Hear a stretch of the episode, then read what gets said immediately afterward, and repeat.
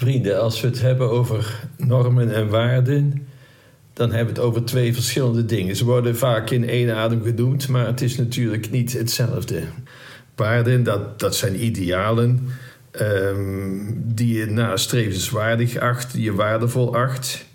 En de norm is de concrete richtlijn hoe te handelen, eh, hoe men zich behoort te gedragen om, om die waarden te realiseren. De meeste normen en waarden zullen door, denk ik, door velen als volstrekt eh, logisch en vanzelfsprekend ervaren worden. Laat ik inderdaad wat voorbeelden noemen. Heel simpel, als een trein aankomt, wacht je even tot de mensen uitgestapt zijn alvorens zelf in te stappen.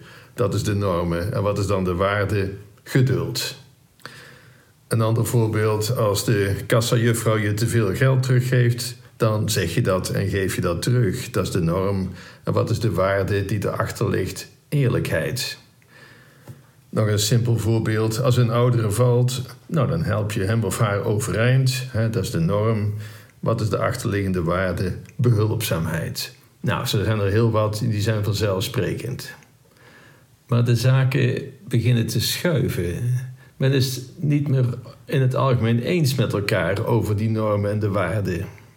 Als ik als waarde noem het leven is heilig, is beschermenswaardig, dan zou de norm moeten zijn: gij zult niet doden. Dat klinkt vanzelfsprekend, maar dat is het kennelijk niet meer. Hè? Abortus, het doden van onschuldig leven. Je zou zeggen, is toch vanzelfsprekend, dat kan niet. Maar kennelijk is het niet meer vanzelfsprekend. Ik kan me nog herinneren toen ik destijds de discussies over de Europese grondwet beluisterde, hoorde ik een minister zeggen dat Nederland de verworvenheden van abortus, homohuwelijk, drugs- en euthanasiebeleid niet zal prijsgeven. Niet zal prijsgeven? We leven toch echt in een verwonderlijke wereld. Dit noemen we verworvenheden. Drugs, euthanasie, abortus, homohuwelijk. Ja, op zoek naar normen en waarden. Waar ga je dat vinden? Het maakt natuurlijk alles uit hoe je kijkt naar het fundament van het leven. Is alles door God geschapen met een bedoeling? En kunnen we dus daar de normen en waarden vinden? Kunnen we bij God dus het eikpunt vinden van goed en kwaad? Of bestaat er geen God en ja, normen en waarden, waar haal je ze dan vandaan? Nou ja, simpelweg bij de meerderheid van stemmen. En dat kan nog alles veranderen, zoals je weet, naarmate de meerderheid ook verschuift. En het is belangrijk, want normen en waarden, dat is toch vaak het cement van een samenleving, datgene dat de boel bij elkaar houdt. Menselijke kwaliteiten waarmee je een maatschappij opbouwt, nou ja, vroeger noemden we dat deugden. We, horen die term niet meer zo vaak. Die kent ze nog wel, hè? De, de grote geloof, hoop en liefde. Of de andere, voorzichtigheid, rechtvaardigheid, matigheid, dat soort zaken. En daarnaast heb je nog een aantal gewone menselijke deugden. Ik noemde er straks al een paar: hulpvaardigheid, eerlijkheid, vriendelijkheid, zachtheid, um, doorzettingsvermogen, wijsheid, inzicht. Enfin, dit soort bekende zaken. Maar helaas, tegenwoordig worden die deugden kleinburgerlijk genoemd, niet meer van deze tijd. Nee, de nieuwe verworvenheden zijn abortus, euthanasie, homohuwelijk, drugsgeloogbeleid, eh, gender enzovoort. En toch denk ik dat we die deugden moeten bewaken, want zonder deugden wordt een samenleving een slagveld waarbij alleen de grootste en de sterkste het wint. Zonder deugden kan een democratie zelfs ten onder gaan in de macht van het eigen belang van het individu in plaats van het algemeen belang. De macht van de onderbuikgevoelens of de macht van de demagogen. Zonder deugden wordt vrije meningsuiting enerzijds een recht op grofheid, op platvloersheid en chockeren en ook van provoceren en beledigen. Anderzijds wordt je de mond gesnoerd als je het niet met een bepaalde opvatting eens bent. Jezus, we het vorige week, hij jubelde het uit. Ik prijs u, Vader, Heer van hemel en aarde, omdat je deze dingen verborgen hebt gehouden voor wijzen en verstandigen, maar ze hebt geopenbaard aan kinderen.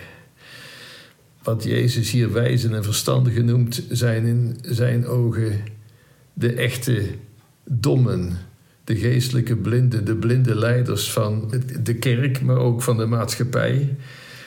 Blinden die blinden leiden en samen in een kuil vallen. En Jezus is ironisch. Wijzen en verstandigen naar de maat van deze wereld zijn dwaas in Gods ogen.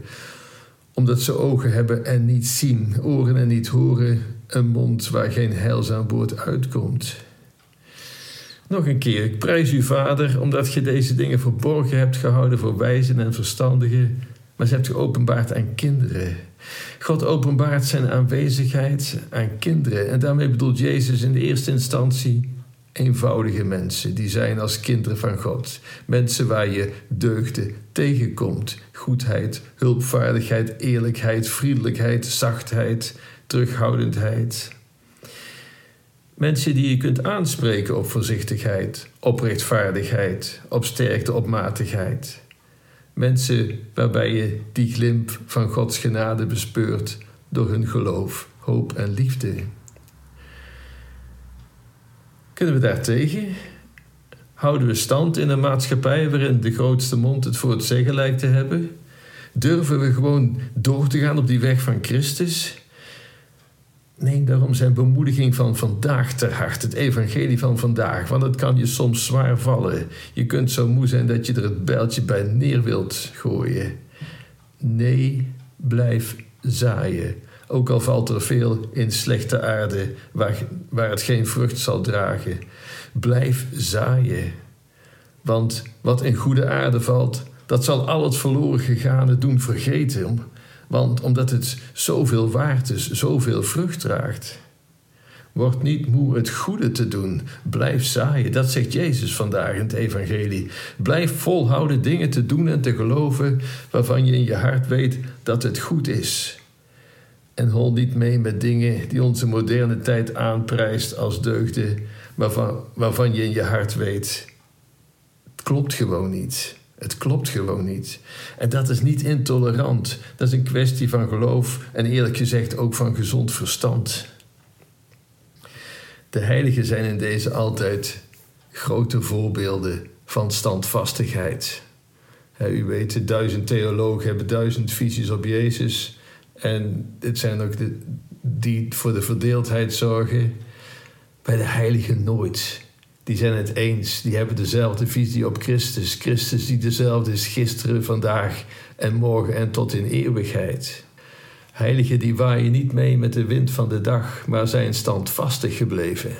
In onze tijd, waarin God uit beeld raakt en waar ook het geloof zo verwatert, waar normen en waarden zelfs ontaarden in het tegendeel, waar we nauwelijks nog beseffen wat de kern van het geloof en dus van het leven is, en dus ook de kernen van normen en waarden.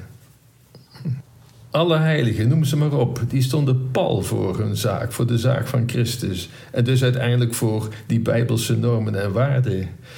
En laten we dat niet zomaar uit gemakzucht verkwanselen. Want denk aan uw kinderen en uw kleinkinderen, aan hun toekomst. Want je kunt maar groeien als je aan je wortels vasthoudt. Een plant die ontwortelt is ten dode opgeschreven. Hetzelfde geldt voor een mensenleven voor een dorp, voor een land, voor een maatschappij. God zij dank voor die heiligen. Laten we hen in eer houden. Laten we hun voorbeeld navolgen. Want dat strekt tot heil, dat strekt tot zegen, dat strekt tot een toekomst waar je met vertrouwen tegemoet naar kan uitzien.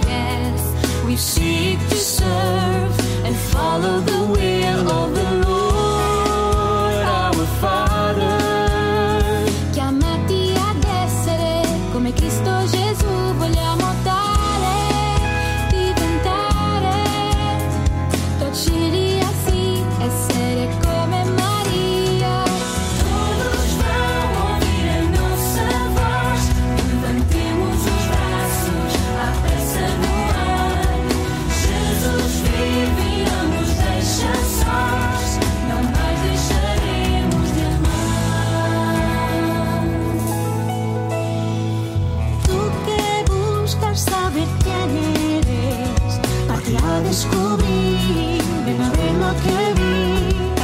Ven con nosotros a mirar más allá y lo que hace.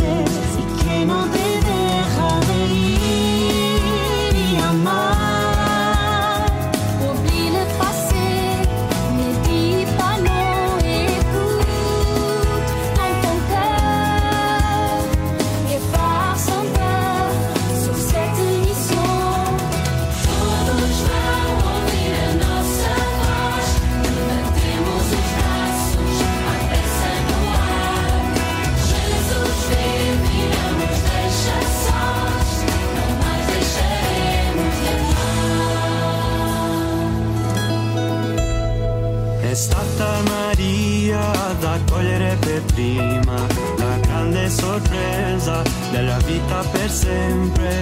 Fiduciosa e semplice vuole ricevere il grande mistero di un Dio che è per te.